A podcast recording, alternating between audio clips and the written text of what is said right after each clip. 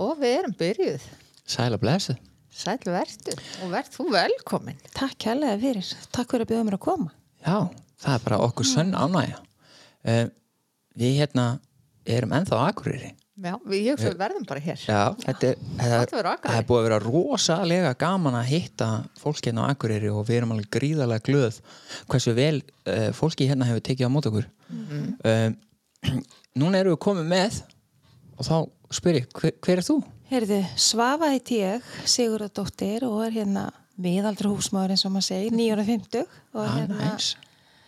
já, og ég hérna, ég elst upp í Reykjavík Já, þanga til að ég er 12 ára gömul og ég elst upp við alkoholisma þegar ég var lítil stelpa þá drukku báði fóraldra mínir og hérna þannig ég elst upp við það að pappi túramaður en mamma er svona meira fúkarandi og hérna við erum þrjú sískin og bróði minni tekin út af heimilinu vegna aðstæðana og hérna við sýstur erum inn á heimilinu og ég er stóra sýstirinn þannig ég hérna fer að taka að mér ábyrð eins og er oft þegar maður er eldri og hérna kannski ábyrð sem maður náttúrulega ekkert batna á að taka að sér. En það er rosalega skrítið að ég man lítið eftir þessum tíma ég man sko ég var sendið sveit kottnung yfir sömatíma þá var ég bara fjögur ára eða fimm og þá voru fóreldri mínir bæði í meðferð. Ok. og hérna þeim var bara settur úrslita kostur. Annarkvort er þið við teknar eða þau gerði eitthvað í sínum málum. Og ég man í rauninni ekkert eftir þeim tíma. En ég var einmitt hérna, svona búin að vera svolítið að hugsa þetta að mér finnst ég rosalega lánsum því að ég upplifið mig aldrei eins og margir sem er alast upp við þetta eitthvað svona útundan, ég átti stóra vinahóp bauð náttúrulega bara vinunum heim þegar allt var í lagi. Uh, við erum alveg upp við rosalega mikið kærleika. Veist, okkur skorti aldrei neitt og hérna og ég fekk alltaf að heyra það að ég væri indisleg og góð og, og þú veist faðumlög og svona sem að mér finnst ég svo oft heyra hjá fólki með svona einhverju sögubækinu það vantar þannig að hérna Kannski ekki svo algengt á þessum tíma. Nei, en ég átti bara svo indislega kærleis líka fóreldra. Þau voru bara veik og gerðu sitt besta og hérna eins og bara maður svona lærði með tímanum. Auðvitað skildi ég ekki að það var sjúkdómur. Nei. Og ég flytinga norður þegar ég er 12 eða 13 ára. Þá er mamma farin að drekka allt, allt öðru sig. Það er eins og hún hafi einhvern veginn náð tökum á drikkjunni. Og hérna, en pappi túramaður og Og ég hérna mann það að hann fór aldrei í tólspóra samtök hérna á Akureyri. Hann vann á þannig vinnustaða að hann var mikið að hugsa um alkoholista og hérna þannig hann einhvern veginn hefur ekki treyst sér. En ég var náttúrulega viss alveg af þessum tólspóra samtökum og ég viss alveg að það var fór fólk sem að fjekk bata. Mm. En eins og ég segi, já, ég elst upp þetta og hérna og ég, ég veit, sko sýsti mín sem er tveimur ára yngri ég, hún man miklu meira. Já. Ég held að einhvern veginn ábyrðum mér hún var svo mikil að ég bara loka á eitthvað og kannski er þetta eitthvað sem ég þarf að læra að vinna úr en þetta böggar mig ekki í dag ég er búin að missa báða fóreldra mína Ok. Samröggist. og takk fyrir það og hérna var náttúrulega gífilegt högg missið þau 2005 og 2007 með mjög stuttu millibili og þau degja bæði mjög snögglega og ég er 36 ára þegar ég er búin að missa fóreldra mína. Og ég er svo þakklátt í dag að ég var aldrei reið þú veist, Það er mjög mikilvægt. já, ég var aldrei reið að því ég fekk svo fallegt uppeldi líka. Þó að ég hef líka fengið rangt uppeldi skiljiði, það var svo mikið gott inn á heimilinu. Og hérna já, þú veist, og húsið okkar alltaf fullt af vinum þegar allt var í lagi. Þannig að hérna Mér finnst ógeðslega gott að segja þetta að því að fólk heldur oft þessi stereotypu foreldra sem eru undir áhrifum og veist, að það er alltaf veist, maður heldur alltaf að það sé bara slæm já, ennmitt og, og það er gott að, að að heyra það veist, að, að þótt að fólk sé veikt Já. þá getur það samt líka bara verið ógeðslega fallegt og, Já, og gott og, og, og gert sitt besta. Þau unnu bæði þannig starf að þau þurft að gefa mikið af sér. En svo eftir að móti segi sýsti mín sem er tveimur árum yngri ég, því hún virðist svona muna meira. Hún mann til dæmis eftir kannski látum segjum bara lögutaskvöldi svo bara sundarskvöldi bara komið læri á borðið og e, þetta er ekki rætt skilji þú veist en hérna, já, ég man bara eftir þú veist, pappa mömmu að lappa með okkur nýri miðbæi að kaupa pulsu í pulsuvagnunum heima að spila jatsi en ég veit líka að það var margt ljótt sem að var inn á heimilinu sem ég átti ekki að upplifa.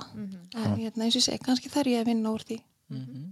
Og ég er alveg tilbúin til þess sko, þú veist, en þetta er eitthvað sem plaga mig ekki og þegar þið fjallu frá að þá hérna, þú veist, það var engi reyði og þú veist, mjög mikill kærleikur og sem er ótrúlega gott. Já, já. Veist, gott fyrir þig. Já, já, og ég man eftir mér sko eins og fyrir sunnan þá erum við systur að labba með þeim nýri miðbæ. Ég man eftir eldgömlu húsi og við förum upp stiga og þau eru niðri, þá eru þau sannilega á, á sínum tólspóra fundum. Og þá uppi voru við krakkarnir sko.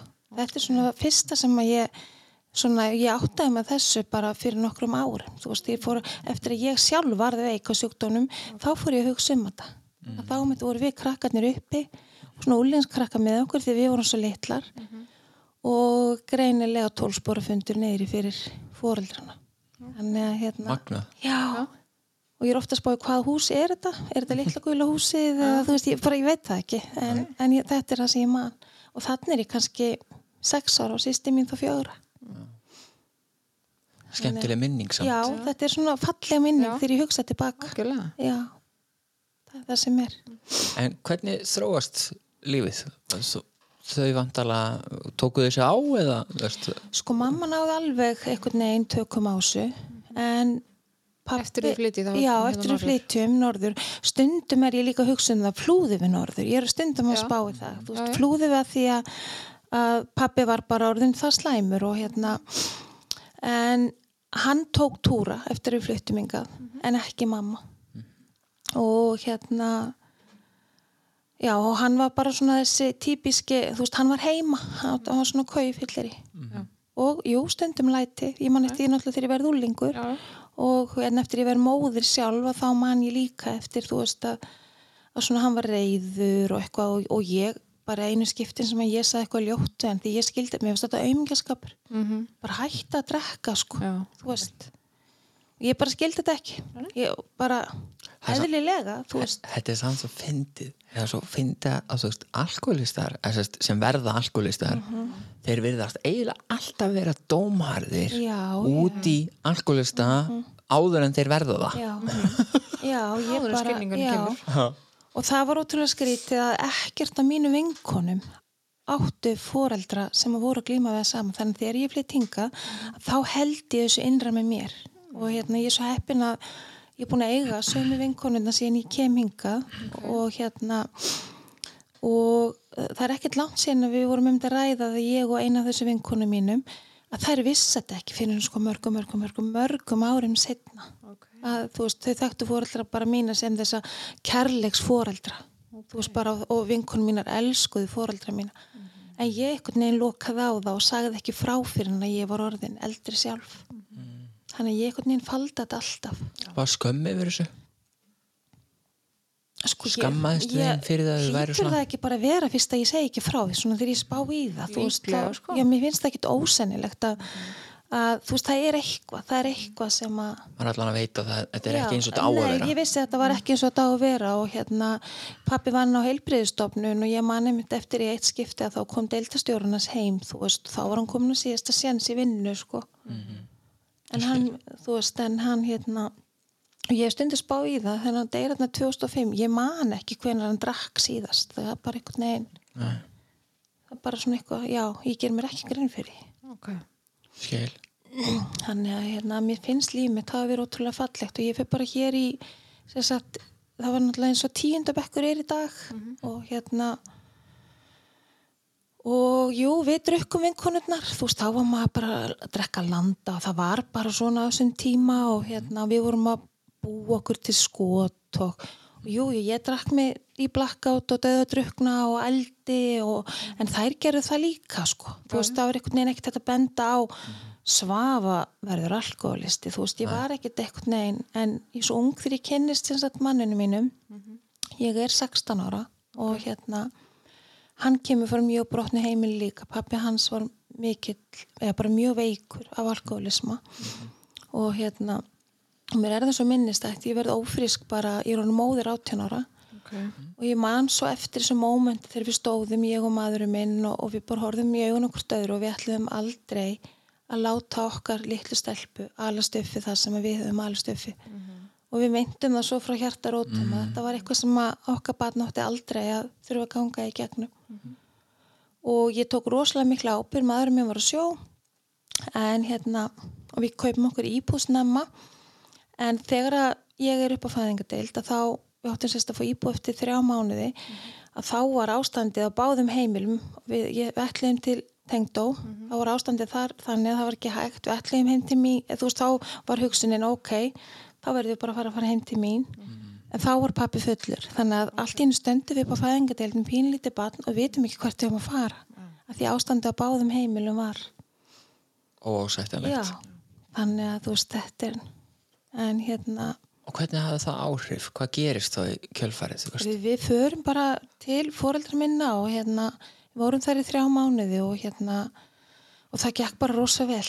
Pappi náði sér og hérna og það bara, já það gekk vel og, og svo bara flytt ég bara, já, eins og segi, búin að stopna heimil 18 ára gömul og hérna það fyrst engum það eitthvað svona ákort ung og þú heldur ráði við þetta eða eitthvað. Við síndum rosa mikla ábyrð bæði og hérna og svona helst kannski að fólk hefði meira ágjör og maðurinn minn myndi fara að þróa sjúkdómeldur en ég.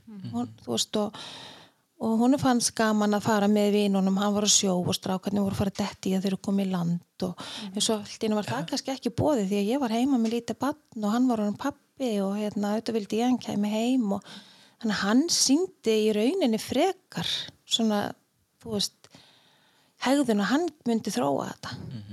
En hérna og já eins og ég segi, við áttum bara ótrúlega fallegt heimili og ég var bara með lítið barn og svo fyrir ég að vinna og hérna við erum, stelpan okkar er ennbyrni í 11 ár og hérna og lífið bara gengur vel. Og bara, já, og okkar heimili alltaf opið, þetta var, ég var mamman sem að var að baka og þegar hún- eftir skóla þá bara kom allir heim til mín og þú veist, vinkonur hennar og hérna já, ekkert, ekkert sem benti til þess að eitthvað væri, þú veist, en á þessum tíma var allt ótrúlega gott og hérna bara fallegt og hérna og tengdapappi orðin etru, þú veist, hann er búin að vera etru í 30 ár og Geggjað. hérna, já, þannig að þetta var bara, já, fallegt líf og dóttir okkar þó ég segi sjálf frá, hún ólst upp við mjög fallegt líf og hún var mikið íþróttum og við vorum alltaf að fara stjórar hinga og þangað og hérna og það var bara, já geggjað Svolítið svona picture perfect bara. Já, það var það, þú Já. veist bara, mér finnst ég virka svo hérna, svona gorgir í mér þegar ég segja þetta, en þetta var bara, hún Já. átti fallegt uppeldi og hérna, en þegar hún er 11 ára þá förum við til Indlands og þá ætlaði við stelpu Ok. og hérna, geðveikt og maður kemst nú ekki gegnum það kerfi ef maður er í ykkur óreglu, Nei, nei. það er ótrúlega erfitt að komast í gegnum ætlaðingar, þú veist, ferli og svona og, og við fórum í gegnum það með glans, ég er 30 þegar það er og hérna fengum yndislega stelpu sem er 20 í dag og hérna og ég þurfti að vísu að basla svolítið með hana. Hún var klíma bara við ímislegt hún var pínu lítil við fengum hana þryggja háls mánada og hérna og auðvitað breytist rosalega mikið. Allt inn komið lítið batn og, og hún já, var bara að glíma við sitt og er að glíma við það enn í dag og hérna og það var oft erfitt og hérna ég vakti með hana heilu nættunar, ég svaf ekki heilu sólarringana og var það þá heilsu já, svona heilsulegt? já, hún er skil. með bara, hún er með hérna líkamlega föllun aðeins, ótrúlega duglega og flott stelpa samt og hérna og við vissum í rauninni ekkert hvað var aðeins, hún grét svo á nóttinni en við erum með mitt ofta að tala um það í dag að hún er bara verið að gráta verkjum sko. Já, ok. það er bara, maður sást ekkert þegar hún var svona lítil og hérna og þessum tíma hvarlaði aldrei að mér að áfengi geti eitthvað gert eitthvað til þess að ég myndi slaka á Nei, eða nei. töflur eða eitthvað þú veist, ég bara fór í gegnum þetta og hérna já, og bara Og þið vissu sem stekki þegar þið voruð ætlið að það væri einhver, nei, einhvers konar nei Nei. Nei, ok. og hérna hún var svo lítil, hún var sko ekki orðin 16 merkur þegar við fengum hana Já, bara að- pons. já, hún var bara pínu pínu þannig að mann fannst bara eðlilegt að hún síndi ekki svona já. þroska eins og önnur börn svona pínu lítil og hérna það var ekki fyrir er tíu mánu að ég fer að tala um þetta og hérna og upp frá því hófs bara þú veist sjúkarþjálfun, yðið og bara eins og fylgir þú veist, ég meina, það segir mér enginn að ég geng með batna ég fái alheilbritt batskilið það er bara í engri uppskrift þannig að hérna að það, svona átti þetta bara að vera, hún átti bara að koma til okkar og bara dásamlegt ótrúlega þakklátt og ég þakklátt fyrir þessa reynslu því hún hefur bara gert mér sterkar en ég er í dag. Bara styrt mér mikið. Algjörlega en þú segir, þú tókst fram hjó eftir því að þú segir ég gerði mér ekki grein fyrir að áfengi gæti verið einhver, einhvers konar efni eða þess gæti haft einhvers konar áhrifum slökun hjá mér. Nei. Akkur tekur það fram? Uh, að því að þegar að ég árið 2007 Já, að þá hérna veikist ég sjálf líkamlega. Já, já. og hérna með móðu mín þá er hún bara í endurhæfingu og ég er að fara að heimsækjana með stelpuna mína yngri með mér og hérna þegar ég kem á staðinn, þetta er hérna frá maður kristnesi, þetta er svona endurhæfingaheimili að þá finnst mér ég eitthvað vola skrítin og, og hérna og ég segi þegar ég kem inn og sé starfstólku ég segi, veistu, ég er eitthvað vola skrítin og svo bara detti niður. Og hérna, og ég lamast fyrir neða mitti.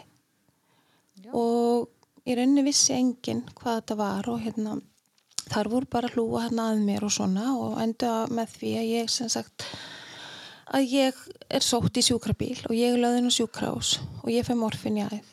Og hérna og ég gleymi því aldrei, þú veist, mér fannst það ógeðslegt. Já. ég eld og eld og eld og ég var svo veik af þessu og við tók, þú veist, það tók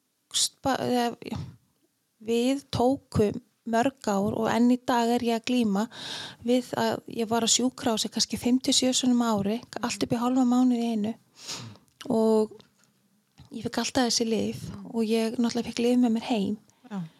og mér fannst lifin ekki góð. Nei. en ég var hrætt þú veist, ég var hrætt við verkina. Og það stóðu utan á pakkanum þú veist, uh, þrjár töflur á dag og meira ef að þörf er á og hérna ég tók alltaf á kvöldin ég fór að sofa til þess að geta sofið. Ég byrjaði að fá mér á mótnana til þess að, að reyna að eiga góðan dag.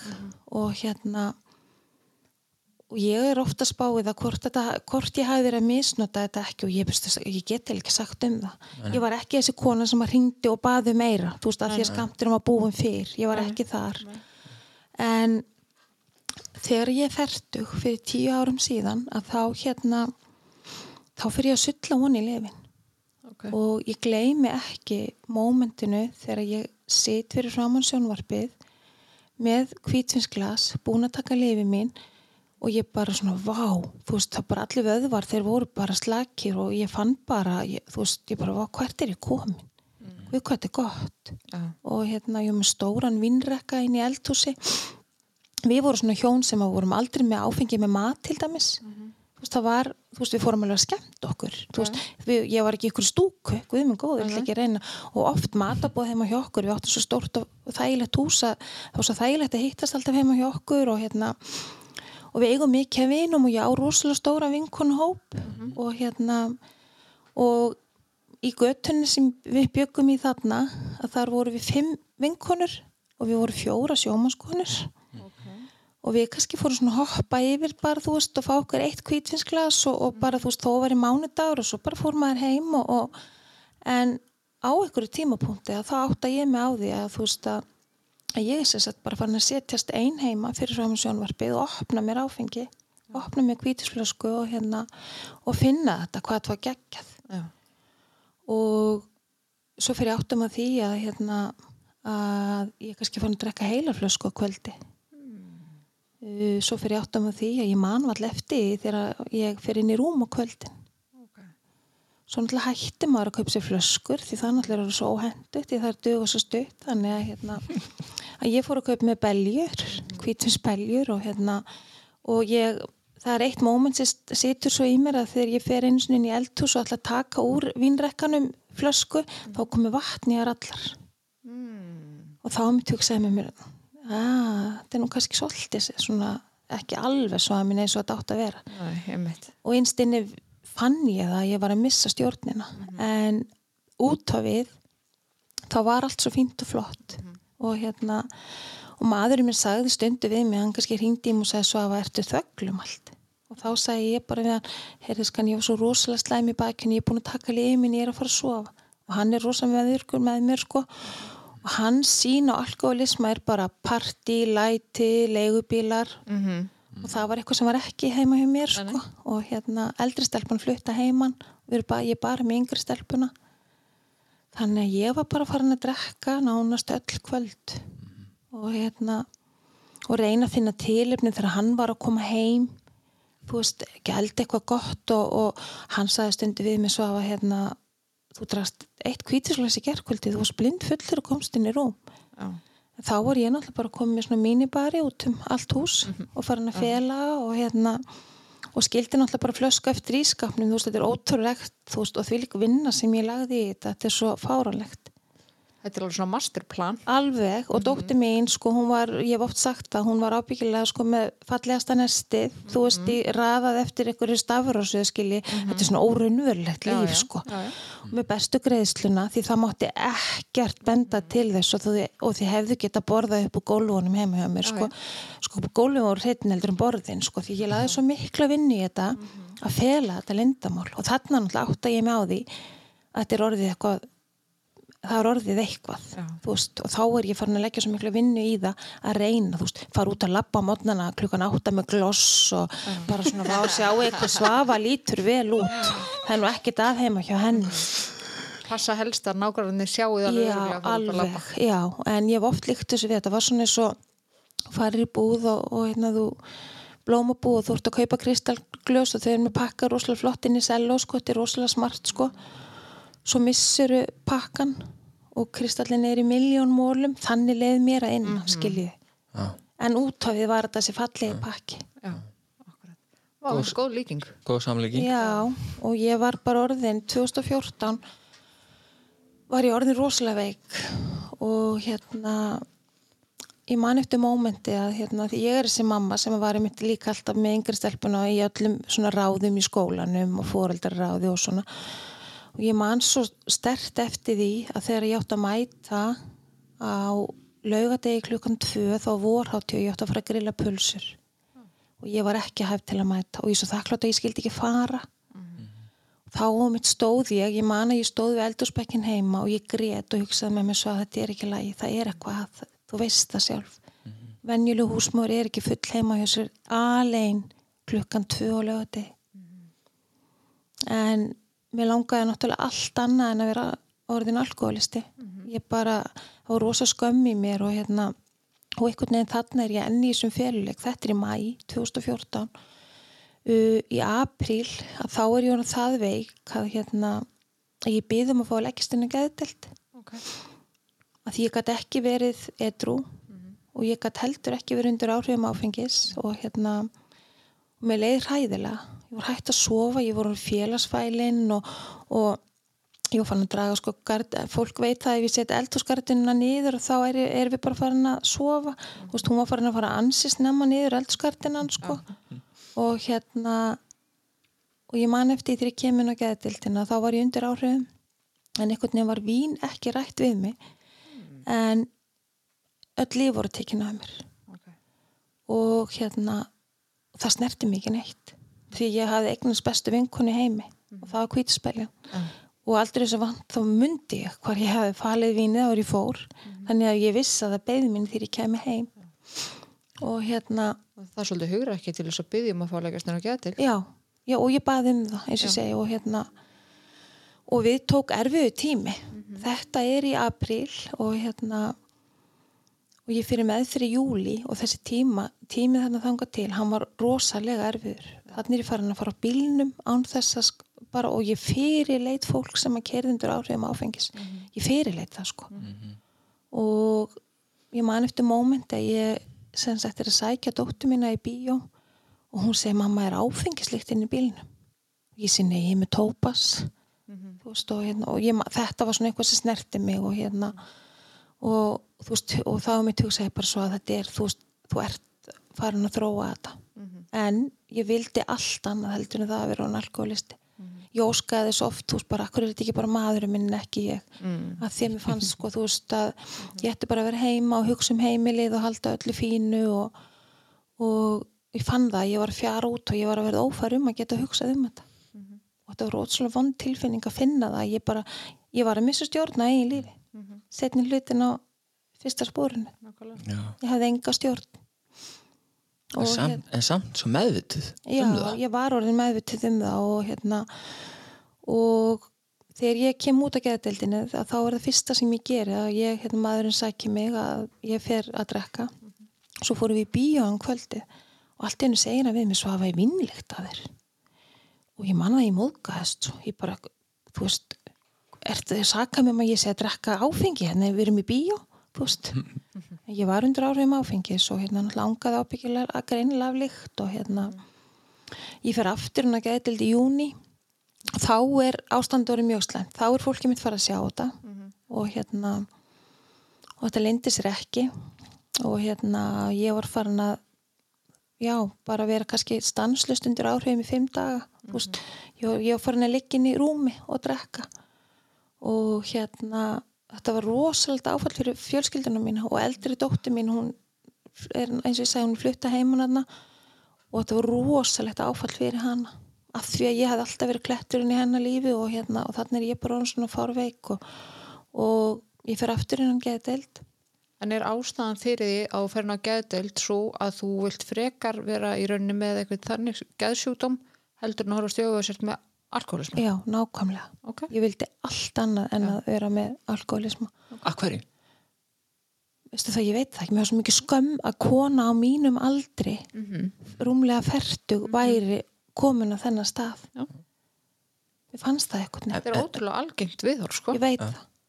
Mér fannst þetta svo mikið skömm og, og ég sá alveg sko sorgina náttúrulega bara ringin í kringum mig og hérna og vinkonu mín er að reyna að hjálpa mér og þú veist bara, já, ég sá það en mér langaði svo að, þú veist ég, hef, ég hefði valið ólæknandi krabba mín og ég er ekki að grínast. Já. allt annað en þetta. Mér fannst þetta skömm gagvart fólkinu mín mér fannst þetta svo mikið að. Já, mér fannst þetta svo mikið skömga hvert manninu mínum að hann, hann leiði vítis kvælur út að sjó þú veist, að því hann vissi hvernig ástandi var að mér heima. Og hann svaf ekki og hérna og dóttir mín var að koma á ótrúlustu tímum og hérna og ég man að yngri dóttir mín fóri mitt þarna bara til ömmu sinur að afa í nokkra daga. Ég vildi bara fá að vera ein og hérna en ég leggst þarna aftur inn og það er haldið fjölskyldufundur. Þannig er ég aftur undir áhrifum og ég fekk samt að koma inn. Ég er ótrúlega þakklátt fyrir það því að, að við erum ekki með fíkni hérna geðdelt hérna, við erum bara með eina geðdelt Já. og það er nú kannski ekki góðu kostur að koma í manneski undir áhrifum áfengisatni inn og hérna, en ég fekk að koma inn og hérna og það var að fara að ræða þetta við mig og, og jú, ég sagðist svo sem alveg vita það að ég væri stundum að drekka og, og mikið og sérstaklega, þú veist, ég fór reyna að blanda livjónum sem var lengur búið að taka af mér sko, þú veist, að það hefði verið verra þegar ég var að taka þau og eitthvað en, en svo var haldin fjölskyldufundur og maðurinn minn og eldri dóttir mín komi og hérna og ég gleymi aldrei mómentun, ég var alveg klökk þegar eldri dóttir mín, hún bara stöða fættur og sagði bara, ég ætla bara að segja ykkur það að mamma, hún er ráðan fyllibita. Og ég hefði getið tekið hann og hendur hún til sjó. Mér fannst þetta svo, veist mér fannst hún að vera ræstnari en samt vissi ég að það var sannleikur og ég var alveg bara, þú veist, eru verið að grínast í mér og hérna, ég náttúrulega bara sat þarna í þú veist, ég náttúrulega bara grét. Ég var bara nógislega veik og hérna og líkamlega líka, ég þólat ekki líkamlega. Það er bara það sem er og hérna og þegar ég sótt upp að geða deild að þá horfir maðurinn minn, ég er rosalega vel gift, ég er rosalega heppin. Hann horfir í augun á mér og segir þú ert að fara nýra göngu til svo við erum búin að fara, þannig að þau voru búin að fara, hann og eldri dóttirinn og tala við aðgjafa og þetta er í júni 2014 og hann Ég er bara með gæsa þú, sko. Já, ég er klökk oft til ég hugsa um þetta og margt inn í þessar, þú veist, já, sem að, en ég sé satt fyrir að tala yfir aðgjafa, eindislega kona sem var aðgjafi hérna og, og hún segi mig það náttúrulega að fólki mitt af ágjöra mér, það fannst mér vest. Ég veit sjálf hvernig er að vera barn alkoholista, þú veist, ég þekki þessa tilfinningu og hérna, ég ætlaði náttúrulega að vildi ekki bjóða börnunum mínum upp á þetta, stelpunum mínum. Og hún segir mig það að þau séu bara farin að hafa mikla ráðgjör af mér og hérna. Og hún segir hvernig upplifir þú þetta? Segir hún við mig. Og ég náttúrulega reyndi bara maldi móin já, já, og hérna ég sagði henni að mér þætti þetta og það, ég slakaði svo á líkamlega og eitthvað og ég var svo viss um það að ég kæmist yfir þetta. Og hún vissi náttúrulega alveg hvað hún var að segja. Hún sagði já, flott en hérna ertu tilbúin að koma til minn í september aftur í viðtal og hérna ertu tilbúin að vera edru þanga til? Og þú veist, ég horfði bara á henni svo hún væri já, ég ætla ekki, ég ætla ekki eins og að segja eitthvað ljótt orð. Mér varst þetta svo niðurlega en þú veist, hvað, hvað þykist hún vera að sitja hér og spurja mig? Ég segi bara, já, ég hlakka bara til að hitta það aftur sagði ég. Og kistlega hræstni Hérna, en þegar ég hitti þessa konu næst þá var ég sem sagt búin að fara í fulla meðferð. Já. ég kem út fulla meðferð fyrsta september og hérna. Og já, ég, já. Þannig að þetta er rosa fljótt að ske og ég þróa hana sjúkdóm svo rosalega hratt, alveg svo stendur í bókinu okkar góðu að konur á miðjum aldri að þær þróa þetta rosalega hratt og ég er bara skólabóka dæmi þarna. Algjörlega. algjörlega. Og eins og 2014 allt það ár fram í júli var skelvilegt og eins og var alveg bara það að fara á bílnum ég meina skipti mig engum máli og þú veist ég var ekkert að spá þá hvort að ég gæti slasa eitthvað. Þess að ég er að spara um það ég þurfti bara að fara ríki og kaupa mína belju. En svo er ég kannski farin að fara lengrilega en sko ég var kannski farin að fara til Húsavíkur og þú veist, þykist verið að fara í sund á Húsavík og svona og, og bakarið á Húsavík, það er uppáðars bakarið mitt á landinu, þar var selt áfengi þannig að ég var stakkur rosalega oft upp á manni minn ef ekki fara til Húsavíkur. Veist, og hérna og hann var rosalega meðvikuð mér ennþá þarna. Hann trúði þess ekki, hann trúði ekki að ég gæti verið að þróa þetta svona. Þannig Bara vildi ekki trúa því. nei, það var svolítið erfitt fyrir mig því þegar ég fyrir með þeirðina þá er hann með opin glugga sko. þú veist, ég náttúrulega þurfti að loka gluggum sko, en hann var alltaf viss um það að ég kæmi tilbaka og gæti, þú veist, við gætum farið erlendi saman og eða bara þú veist, sest heima og fengið okkur þú veist, það, hann var bara viss um það og, en þegar ég fer hann á vók 2014, þá fer ég alls ekki til þess að hætta að drekka, ég get alveg sagt ykkur það ég fór ekki að þeim ég langaði Amen. það var alveg þannig og hérna og ég fekk rosalega stuttan fyrirvara mm Mhm. -hmm. Sýsti mín kemur til mín á sunnudegi og hérna og segir bara svafa mín hérna ertu ekki til að fara bara meðferð? Og ég var bara blindfullatna þegar hún sagði þetta og ég bara jú, jú, jú, jú, jú. Alveg ekkert mál. Alltaf að hlu- heyra það í útvarpinu og sjónvarpinu þessi svo löng beð sko. Já. En svo ringir hún í mig mándagsmótna og segir þú ert að fara miðvíkudaginn og ég bara, shit. Þannig að inn á vók fór ég með skottuða milli lappana og hérna og mér leiði rosalega að inni allan tíma og mér langaði ekki að hætta ekki eina einustu mínútu. Og ég hugsaði með mér þú veist, ég held að ég nái þessu ég held ég geti bara drukkið eins og venjuleg manneski eins og ég gæti drukkið áður. Og ég trúði því þannig inni. Og hérna og eins og ég segi, mér leið mjög illa þannig inni.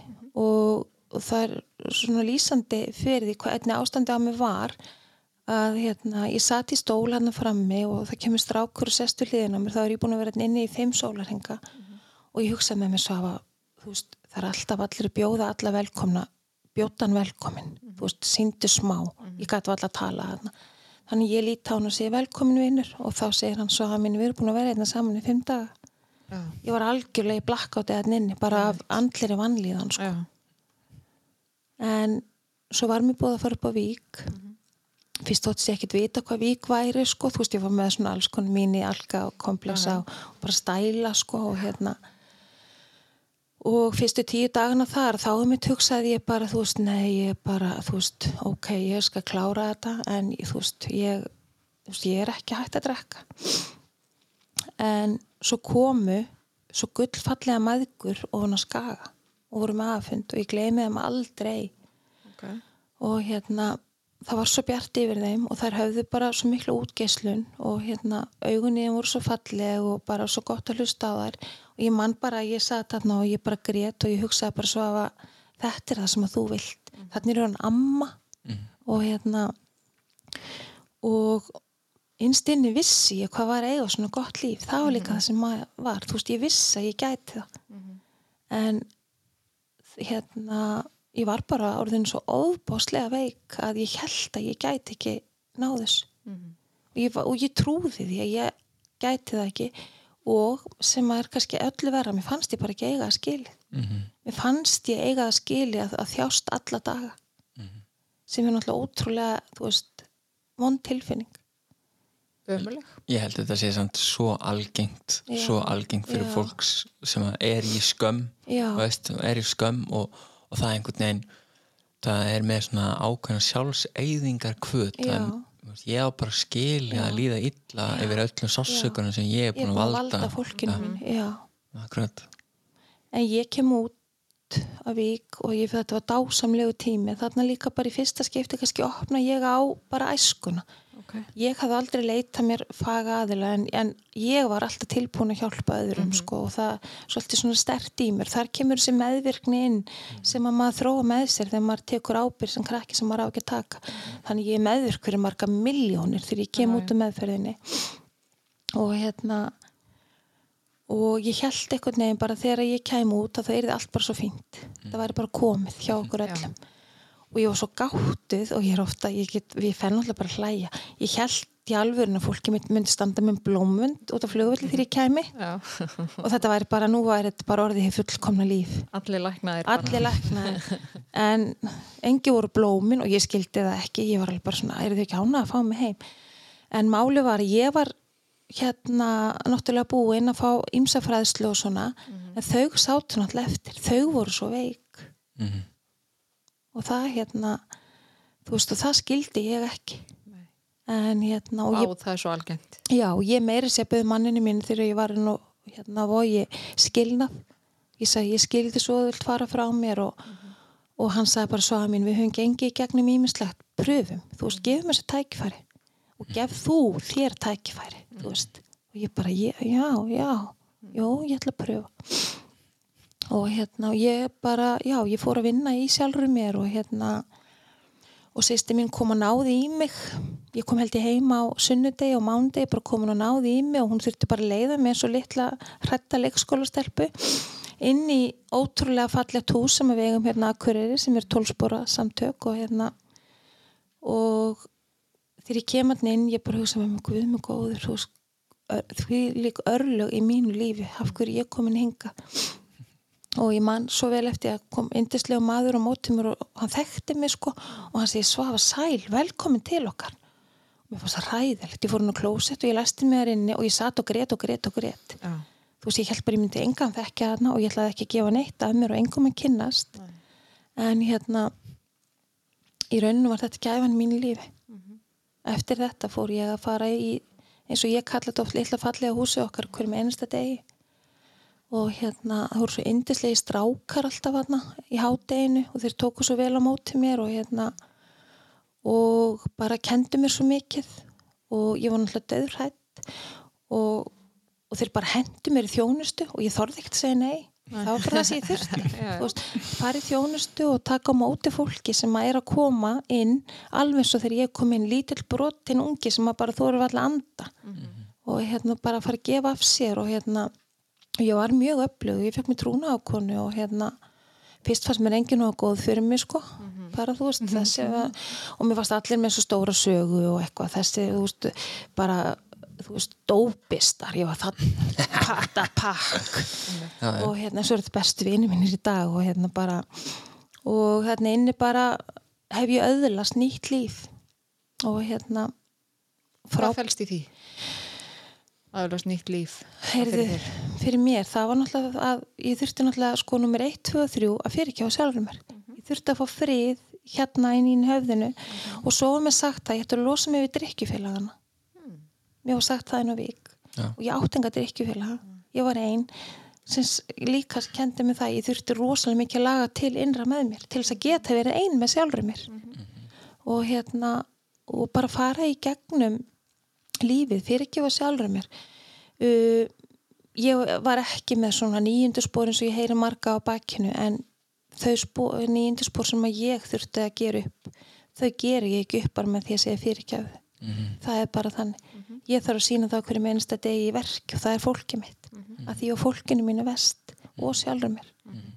Og hérna þannig ég þurfti að já, þú veist að læra það að orði fyrirgefðu hefur enga merkingu þannig. Þú veist, ekki alltaf skiljið Ég, ég heyrði ótrúlega flottan frasa um daginn það sagði sko afsökunarbeðinni án breytingar er stjórnunatæki já, það er það sem er. Þetta er mjög öflugt sko, öflugu frasi sko. já, og ég þurfti að sína bara fólkinu mín að það er verki að ég væri að vinna í mér. Og ég væri að því að því að mér langaði til þess að verða svo kona sem að ég var áður. Ég þurfti bara að fara að kynnast mér upp á nýtt og bera virðingu fyrir mér. En erfiðast fannst mér eins og þegar fólk var að segja að horfa í speilin og mótnan og segja bara þú ert æðisleg. Ég, ég gerði það ekki enn í dag sko, ég get alveg sagt okkur það. En hérna, af hverju ekki? ég veit það ekki. Bara, Það er, bara eitthvað erfitt eða bara langað já, ekki? ég er bara erfitt, erfitt, erfitt. En ég get sagt ykkur hvað þið eru frábæra aðeinsleg ég Ég er, bara tengi mjög sterkt ég við er þetta. rosalega þarna sko. En hérna, finnst þér erfitt að rósa sjálfur já rosalega erfitt, en ég er að læra það þú veist, ef ykkur segir við mig má hvort er flott um kjól þá fyrir alltaf í svona vörðinu og segja hann kostaði 500 kalli hagköp Þú veist, það var enginn að spyrja hvað er í keftan eða hvað hann kostaði skilji, þú veist, ég fyrir alltaf í þetta en, það, en það er búið að kenna mér það samt, sko með spóravinnunni, þá lærði ég þetta líka, þú veist þannig að, Ég fekk verkefni frá sálfræðingum mínum um daginn að, að, að læra að taka hrósi. Já, og eina verkefni mitt er að einhver hrósa mér að þá ég bara segja takk. Já, einmitt, já, takk. Og alveg saman hvernig mér líður með það, þá ég bara segja takk og þegja svo. Já, einmitt, já. Að því ég fer alltaf að segja, hausinn fyrir að og segir það eru glöður að ljúga þig núna. Já, einmitt, er ekki bara verið að segja þetta Já, til já. þess að, er þetta ekki bara ekki að kurtisi já, einmitt, já. Bara, segðu bara takk og svo. einmitt. Já, En er ég erfitt. hérna, er svona kona, ég fór alveg að því ég er ekki að vinnumarkanum sko, þannig ég fór all inn inn í fallega húsið okkar. Og hérna var rosalega virki í, hérna bara mörgum þjónustum og, og ég fekk meiri segja að það, það var konufangilsi hérna og ég var farin að fara með fundi fangilsið og ég var farin að fara svæðisnemnd og, og bara í þrjú ára þá var ég bara á fullum krafti. Ok. En stundum var ég að gera ótrúlega ránt því að hérna að ég var ofta að reyna að bjarga einhverjum sem vildi ekki hjálpina skiljiði þú veist og hérna fór rosalega mikil orka í það og hérna og það fór svona að fjara undan mér á, í smá tíma og hérna og ég var alveg hægt að huga sjálfur mér af því að ég var alltaf reyna að hjálpa hinum. Þannig kemur meðvirknin sem að ég kannski var ekki nóg duglega að vinna í strax sko. Og ég fór að segja mig úr þjónustum. Okay. og hérna ég lýsandi dæmi sko þakklætið og bænin og svona þú veist ég bað alltaf bænir með dóttur minni, ég lagðist alltaf upp í rúmið henni. Þú veist hann er hún samt 16 sko. Við lögðumst alltaf saman og, og báðum bænir og ég baði um það að fá að vera betri manneskja á morgun en ég var í dag og, og svona. Og hérna það er svo stert mómenti þegar ég kalli inn svona á henni, ég er að tampusta mig, tampusta mig og hérna og hún kemur og ég byrja bara að byrja bænir við eldursvask þú veist, nefn inn á baði að tampusta mig. Og svo spýtti ég bara guði í vaskan sko. Já. Þú veist, þarna var ég hægt að leggja smeðinni þú veist, og, og hægt að taka þér tíman í þetta. bara það var engin, engin meining í þess og hérna og ég fór að vera svona andlega fjárverandi á fundum, ég mætti á fundi. Ég heyri, þú veist, það er bara rosalega oft sem maður heyrir á fallbröð og fólk hætti að fara á fundi. Ég hætti ekki að fara á fundi. Ég mætti á fundi held að það var bara eitthvað svona síndamennska sko. en ég líka satt þarna bara, guð hvað þessi er ókslega leðilegur í alvörun er hann í sömu peysun og var aft í gær og, og hérna og geta þessi strákar ekki bara setja og pissa í klósetti hérna, þú veist, það er allt já. þú veist, ég var komin þarna ég var alveg, og þannig dvaldi ég í sjö mánuði Okay. og hérna það hefði ekki verið skemmtilega mánuður Nei. og hérna maðurinn minn hann ferðast mikið erlendis og ég var farin að segja við hann sko Akkur kemur ekki með toll heim til eiganda vinuðin þú veist, Já. getur búið strákonum þú veist, því hann smakkaði ekki áfengi heilt ára eftir ég kom úr með þær, sko, hann bara hafði ekki áhuga á því. Ég sátt að koma og eiga eitthvað handa strákonum, þú veist, og hérna og þannig er bara hausin á mér farin að undirbúa eitthvað rosalega mikið án þess að ég sé að átta mig á því. Og hérna það skilaði mér á eitt stað eins og sumir hafa sagt, þegar ég var held ég væri sloppin að þá var ég bara komin í sloppin. Og þannig, þannig var það með mig. Það bara stutt í sloppin þegar maður heldur mér í Já, sloppin sko. og ég heldur betur endaði þar og tveim sólarhingum drakki mig inn á sjúkrás og hérna, við hrundi svona rosalega í það og, og það var ræðilegt og hérna, og þarna að detta í það í sjömána fallbraut, vera búin að þróa sjúkdóminu lofunum, að þá síni ég af mér alls konar hegðun og framkomi sem að enginn hafði séð, þú veist, enginn. Og ég var svo ólík sjálfur mér heldur en þegar ég fyrir meðferð 2014 ég hef stundu sagt að það er svona skali frá einum upp í tíu. Að þegar ég fyrir meðferð 2014 þá er ég kannski komin á 5-6 þannig er ég bara komin sko 12 sko. Ég er bara gjörsanlega stjórnlaus og, og mér er bara alveg saman þó ég sé bara eitthvað stáður út í bæ skiljiði og, og ég var bara já, og rosalega óheðileg, mæti bara að fundi leigubíl með kvítuspelju með mér og, og þú veist, og þau sá bara að mér hegðun sem þau aldrei séð, ég varði rosalega veik. En hérna svona stjórnleysi. Algjört stjórnleysi. Já.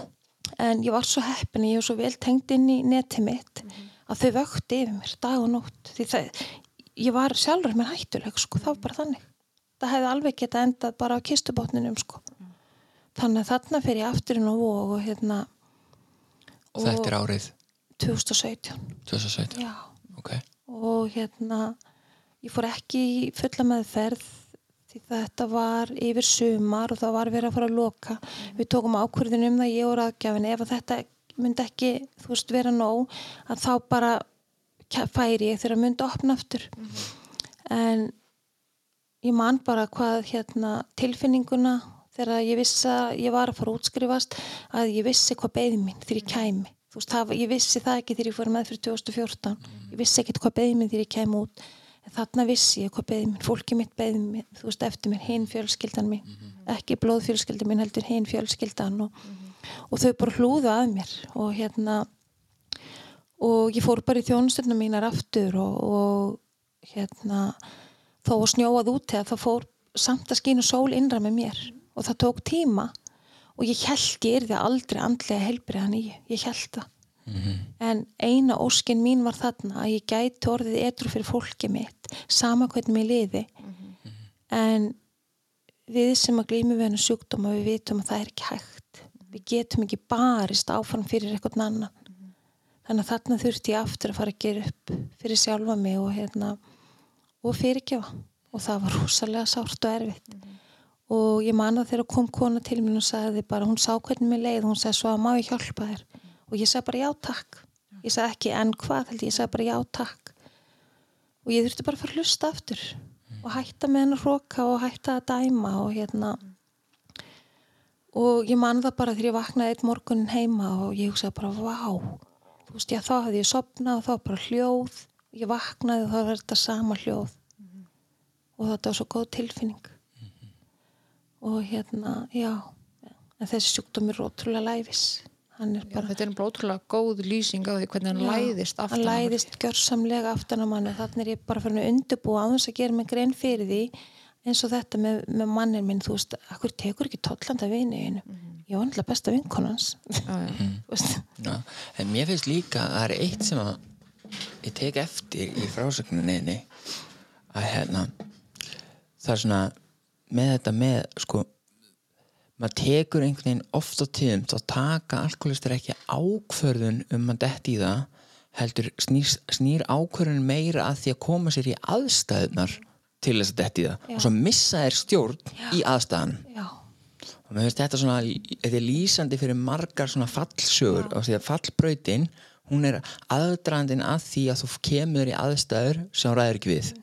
Og svo snappar eitthvað og missur stjórn já, að því að þú veist, það er- er svo fáir sem maður bara eitthvað, já, núna ætla ég að detti það. Já, oftast er það bara, þú kemur þeir inn í aðstæður þar sem þú ræður ekki við það og þú ferð í það. Þú að þá er það bara automatist reflex á þær aðstæður. Ég man ekki eftir að tekið fyrsta glasi sko. Ég er konið blackout Já. áður en að ég detti í það. Akkúrat. það ótrúlega skeri þá held ég náttúrulega að ég var bara eitthvað einstakt bara, alls ekki. á, en, Einstakt tilfelli. já, bara þetta, ég væri bara vonlös sko, þú veist, hver dettur í það og hann man ekki eftir. Og rangaði sitt 50 og setnin á sjúkrahúsi, þú veist, ég var alveg bara og mómenti þá, sko, það voru tvær vinkunum mínar sem ekki eru alkoholista sem stóðu yfir mér.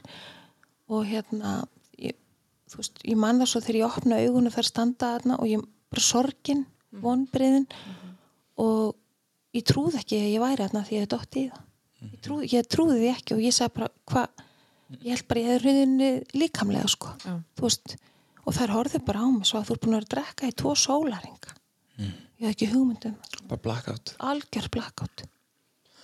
Mér langar að spyrja einu. Þú talar um það áðan að hérna, þú hefði verið sett á morfínlif morfínskillif heldur að það hafi verið triggerinn að því að, að þróa fíkni Já, ég er alveg vissum að, að það er eitt af því sem að veist, það er oft sem fólk vil benda einhvern eitt hlut eða eitthvað. Ég held að þetta er bara eitt af því sem að fór í bakbókan og virkilega og ég get líka sagt ykkur eitt að það hann kom til minn einu svona læknirinn minn upp á sjúkrási þegar ég láðar og hann sagði bara svafa, mér langar bara að segja það að fólk sem er með svona stóðkerfa, stóðkerfa vandamáli svo þú að það á í hægt að þróa með sér annarkort að verða háð livjum eða áfengi og ég horfði bara á að og ert ekki að vera einar ákjör að mér elska ég er góð. En ég líka mann mómenti þegar ég sagði honum það.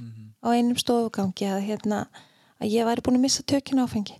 Og ég hef einhvern veginn sko eftir ég fór í meðferðina og fór að vinna í mér og hérna, þá hef ég bara verið opinn, þú veist, ég stend ekki nýra torgi með bara, ég er alkoholisti, en ég er heldur ekki, þú veist, eins og þarna, þá bara sagði ég hann það strax, þú veist, ég misti tökinn, þú hafði rétt fyrir þér. En þa þetta er líka eitt af því sem við höfum okkar félag, félagsamtökin, það er von, standa rosalega mikið fyrir. Það á ekki að vera skömm Nei, yfir þessu, að því Nei. skömmin hún plagar fólk svo mikið já. og það hindrar fólk frá því að geta verið, þú veist, að því feluleikurinn er einn, bara Já. eitt stórt syndrom af þessu. Og eins og þú er búin að lýsa í gegnum söguna þína, þú ert í stanslusum feluleik Mhm. og það er svo gænt sérstaklega fyrir fólk sem að kannski elst upp við aðstæða sem að Já. er ekkit endilega verið að tala um alla hluti sumir hlutir eru bara best Já. geimdir ósagði sko. bara eins og þetta með kannski læti og svo bara komið læri daginn eftir að borða og akkurat, er, og nákvæmlega þetta. akkurat Já, En en, að- en við- ég sagði mitt við manni minn sko þegar ég var á vogi hérna 2014 uh, ég sagði, vita strákunir um borða ég er í meðferð? Og hann bara já. Ég sagði, hverju sagði þeim ekki ég var í hveragerði? Þú veist, það hefði öllum þótt það svo Já, já, eðilegt sko. Þú veist, þarna var, þú veist, var ég og mér fannst þetta svo, þú veist, frekar ég væri bara heilsuhæli og engum hefði þótt það neitt sérstakt sko. en það voru rosalega margir hissa þegar ég vissi að ég fór í meðferð af því ég náði að Þú að fela sko. ég er búin að vera leikstjóri í mörg ár þú veist. Og ég svo það er það er engin það er bara engin eitthvað að kippa sér upp það lengur þegar fyrir meðferð. Nei, nei, nei, nei. og ég svo þakklátt að ég skulle hafa látið af þessum leikstjór þú veist, að vera léttir. sko. það voru, sko, ég ætla ekki að segja ykkur þá sko, mér varst líka svo mikið léttir þegar ég fór að vinna þessi meðvirkninni að finna það að ég ber ekki ábyrð á lífi annara þú veist, ég get verið til staðar að sjálfsögðu og, og stið dætu mínar í einu öllu en líf þeirra er ekki mínum höndum. Og ég hef oft sagt að mér varst ég léttast um 10 kíl og þó engi sæði það skiljið ég man þetta moment þegar ég bara áttaði mig á því að líf annara er ekki mínum höndum. Og ég var, þú veist, það var hleyið að mér. Þú veist, oft hann er í fallega húsin okkar ég get alveg sagt ykkur eina ágæta sögu sko að meðvirknin og rugglunni að það fyrst hjá mér. Ég var einu svona keira einn og þá segir hann svo að nú er ég nærbuksum að manninu þínum veist, ég var alltaf að bjarga öllum sko, og, hérna, þá hugsaði ég bara svo að það er eitthvað rándan og þetta var rétt ár, ég fell 2017 hann að þarna sjá, þú veist, þarna er ég í svo mikil meðvirkni að ég var bara, þú veist, að hún var að drepa mig. Og meðvirkni með alkoholisma er bara veist, er rosa meðvirkni, erfitt. já, meðvirkni er rosalega erfið Það er það. þannig að það er hérna, alveg ástæða fyrir því að það eru sérstök tólspóra samtök tilenguð meðvirklum mhm það er bara, það er ástæða fyrir því Já. það er vegna þess að það er alveg það er alveg sér prógram sem að fólk þarf til þess að einmitt venja sig af þessum meðvirka lífstíl og ég þarf alveg að vanda mig sko. Mhm. þú veist ég þarf bara oft bara svo að nei, þetta er ekki þínum höndum þú getur verið staðar Mhm. en þú ert ekki að fara þú veist að bjarga þessum eða þessum eða þessum sko. Ef maður geti hægt neyslu til dæmis fyrir aðra þá væri engin neyslu sko. nei, nei. já, maður hefur, sko. maður hefur oft uh, talað um mæður sem að væri alveg til í að bara taka þetta á sig fyrir börnin sín. Já, einmitt. Þannig að alveg eins og þú bara lýsir mjög vel á þann þegar þú kemur heim úr meðferðan á 2014 mm að þá er fólkið alltaf ennþá veikt. Já, og maður verður veikur af meðvirkni. Já, en ég hérna er rosalega heppin að þú veist, til dæmis eins og eldri stelpan hún fór á námskeið, hún fór á fjölskyldanámskeið við vorum einhvern veginn öll tilbúin að taka þátt í því að fjölskyldan myndi ná að bata. Frábært, við tókum þessu bara eins og þetta er bara bara, já, þetta er fjölskyldisjúkdómur og við höfum bara öll þurft að vinna í okkur. En hérna en það þarf oft lítið út að bera og nú verður eldri stelpa mín þegar hún hlustar á þetta við hún, þú veist, hún er ennþá þú veist, eins og núna er mikið að gera hjá mér. Þú veist, ég vissi að ég að koma hingað ég er að fara upp í mentaskóla á miðvíkudaginn og ég er að fara þingsuður á næst, um næstu helgi og og svo er dótti mín að fara að gifta sig og svona og, og hún einmitt sagði við mig í gær bara mamma, ert ekki alveg slögg það er svona, hún er svona já, að já, hún gerir það Já, og hérna og við gerum oft grína þessu, við erum rosalega nánar og svona og hérna við gerum oft grína þessu, en auðvitað öllu gríni fylgir alvara. Já, já. og þetta er ekkert grín, þessi sjúkdómur er ekkert grín. Nei. og ég veit bara ekkert. Þú veist hvernig ég er enda ef að ég skilji það, ef ég tek annað glas. Og ég á ekki sko ég fer aftur hérna 2017 í meðferð. Og 2018 en þá skrapp ég til Reykjavíkur þá er yngri stelp mín að fara í hérna æfingabúður Erlendis og við fórum saman þess að til Reykjavíkur og hún fer svo bara út. Og ég skellir mér í hérðins í hátteginu og kemur stelpa hlaupund á móti mér og segir hæ, gaman að sjá þig og bara æðislegt á sér komin, viltu leiða? og ég bara, já, ekkert mál og vinu minn með mér aðna og, og ég leiði fund þá er hundra eitthvað manns svo sem aldrei leitt svona stóran fund við erum ekki kannski og hérna ég man eftir að hafa lappa út úr húsinu. Já. ég ringdi vinkonu mína og ég sagði við hana sem að er alkoholist eins og ég ég, vor- ég sagði við hana, ég hef verið að leiða fund ég ætla, ég ætla að fara að kaupa mér eitt kjól og svo kem ég heim. En ég rankaði mér sólaring setna ekki með nýjan kjól. Ég rankaði mér á Akureyri og ég veit ekkert en ég veit að ég misti prófið í tvö ár bílprófið og hérna og þetta var rosa skellur sko. Þannig er ég afturkonni blackout. Án þess að, að þetta sem ræði mig rosalega og það var alltaf verið að segja mig það er eitthvað svo, hvað er það, hvað er það? Þú veist og þarna sé ég ekki eitthvað fallbrut eins og þegar ég fyrir nú 2017 þú veist. Og svo bara hugsaði með mér, ég ætla bara að hætta. Veist, það var alltaf verið að poti í mig það er eitthvað ástæði fyrir þessu falli, það er eitthvað. Og þetta var svona sálrænt hjá mér hvað getur að vera þannig, svo hugsaði með mér þetta er liðið, þú bara heldur áfram og þú veist, það var einu hugsunin sem að og þá kom líka rosalega sko að mými, ég var búin að koma dóttur minni yngri í gegnum bílpróði sama ár og svo bara gamla tekin á bílnum. Og ég er svo þakklátt að hafa verið tekin því að hérna mæltist sko óheirlegt magni í mér og hérna að enginn skildi slasast, að enginn skildi deyja þú veist. Þannig að þetta er bara þessi sjúkdómi spyr okkur ekkert að því hvernig allt er ringin í kringum okkur sko. Það er svo rétt. Og þetta var rosalega áfall sko. Og þeir eru ranga við mér heima hjá mér. Og hérna maðurinn minn kom inn og eina mínu bestu vinkunum og eldur og öll stóðu það nefnir mér og, og ég horfði bara á þau. Bara, hvað er að ykkur? Já.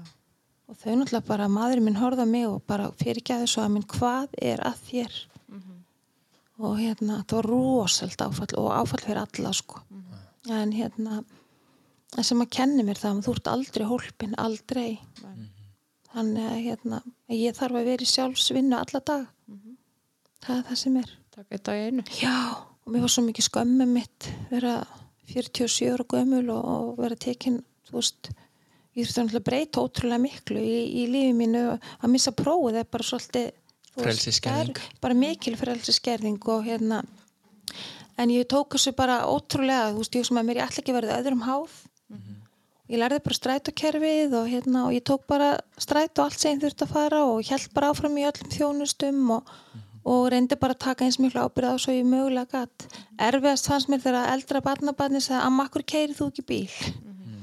Og hérna mér varst það svona það Mm. veist, að maður getur farið í ísbúðina á bílinum nei, förum með strætó. Að maður fórum með strætó í gær. Þú veist, mér varst þetta þú veist, og hvað, hvað segir maður þarna við fimm ára gamalt barn? Nei, ég var tekinn full á bílalskan þú veist, það var ekki alveg þar sko, þannig að hljómar ekki alveg nóga vel sko. Nei, þannig, en mér finnst ég ótrúlega lánsum og ég átt svo mikið að fallegum vinum í litla húsi, húsinu. Bæði strákar og stelpur og ég hef líka fengið að hjálpa mikið af fólki og hérna og mér finnst ég skulda þar æfi langt. Nýjindaspor að einmitt, þú veist þarna var lífi mínu bjargað. Og mér finnst að, að það sé bara í mínum höndum að, að reyna að hjálpa eins mikið við mögulega get. Þú veist. Algjörlega. Og bera út bóðskapinn og, og án þess að mitt að vera með áráður og hérna, akkurat. Það er bara það sem er. Ég held að ertu með einhverja ætlar að spyrja þeirri spurningu? Æ, ég hendi mína. Að hendi að spurningu ég er nefnilega mjög oft með mína spurningu í þáttum. Hefur þú yfirfært fíknina þín á eitthvað annað eftir að hættir að drekka? Nei, Nei. ég hef ekki gert það. Ok, en á meðan að ég var að þróa sjúkdóminn að þá fór ég í fíkni sambandi við kertastjaka ok. og skó. Ó, ég tengi. Já, en hérna og meiri segja að eftir að ég hætti að drekka þá sagði eins og maðurinn minn svo að þú eru ekki getið skó í þrjá mánu eða eitthvað? Þannig að nei, ég hef neina ekki ok, ekki nema þá bara að stunda þessi tólspóra samtök og fara, fíkni var kannski súju og ég var ótrúlega mikið þar sko, Já. þú veist. Takað batan allar leið. Já, ég reyndi það en ég hef ekki með dottið í matarfíkn eða þú veist. Nei.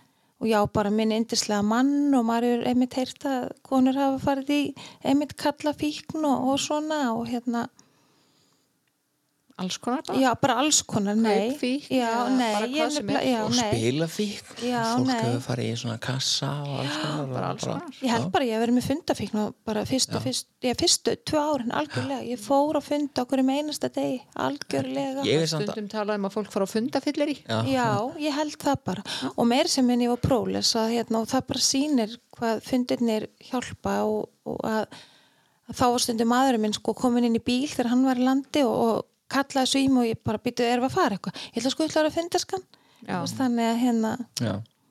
að, já, ætli það hef ekki bara verið fíknir sem maður tók við það var tölvört betri fíkn myndi ég segja. Já, já, En ég var sko, þegar ég var að þróa sjúkdóminn, þá mitt var þetta svartól inni mér eins og við þekkjum öll og þá mitt fór ég þetta skó og kertastjaka já. og hérna, áhugavert. Já, kertastjakar og eftir maður ég, var ég að laga til bara eins og maður gerir, þú veist, fyrir jólinn til dæmis og þá tók ég 14 kertastjaka út fyrir einu skáp sem ég hef aldrei notað. já, Þannig að já, þannig að það var eins og það var eitthvað sko, en ég held samt að alla konur tengja við skófing, það er bara eitthvað sem fylgir eða er að kona eiga fallega skó held ég, er það ekki? ég held ég. Já, það var, ein, alls konar. það var einhver meistari sem sagði það við mig að, að töskur, hattar og skór. Já. að þú getur alltaf að nota það hvort sem þú þingist eða ekki. Já, það var einhver sem sagði þetta við mig. Já, ég hef ekki vitað þessu. Nei, það er nokkuð til því sko. Já. en ég held að við séum bara komið með þrjusu þátt. Held ég, Held að- það er bara geggjur saga. Já, já.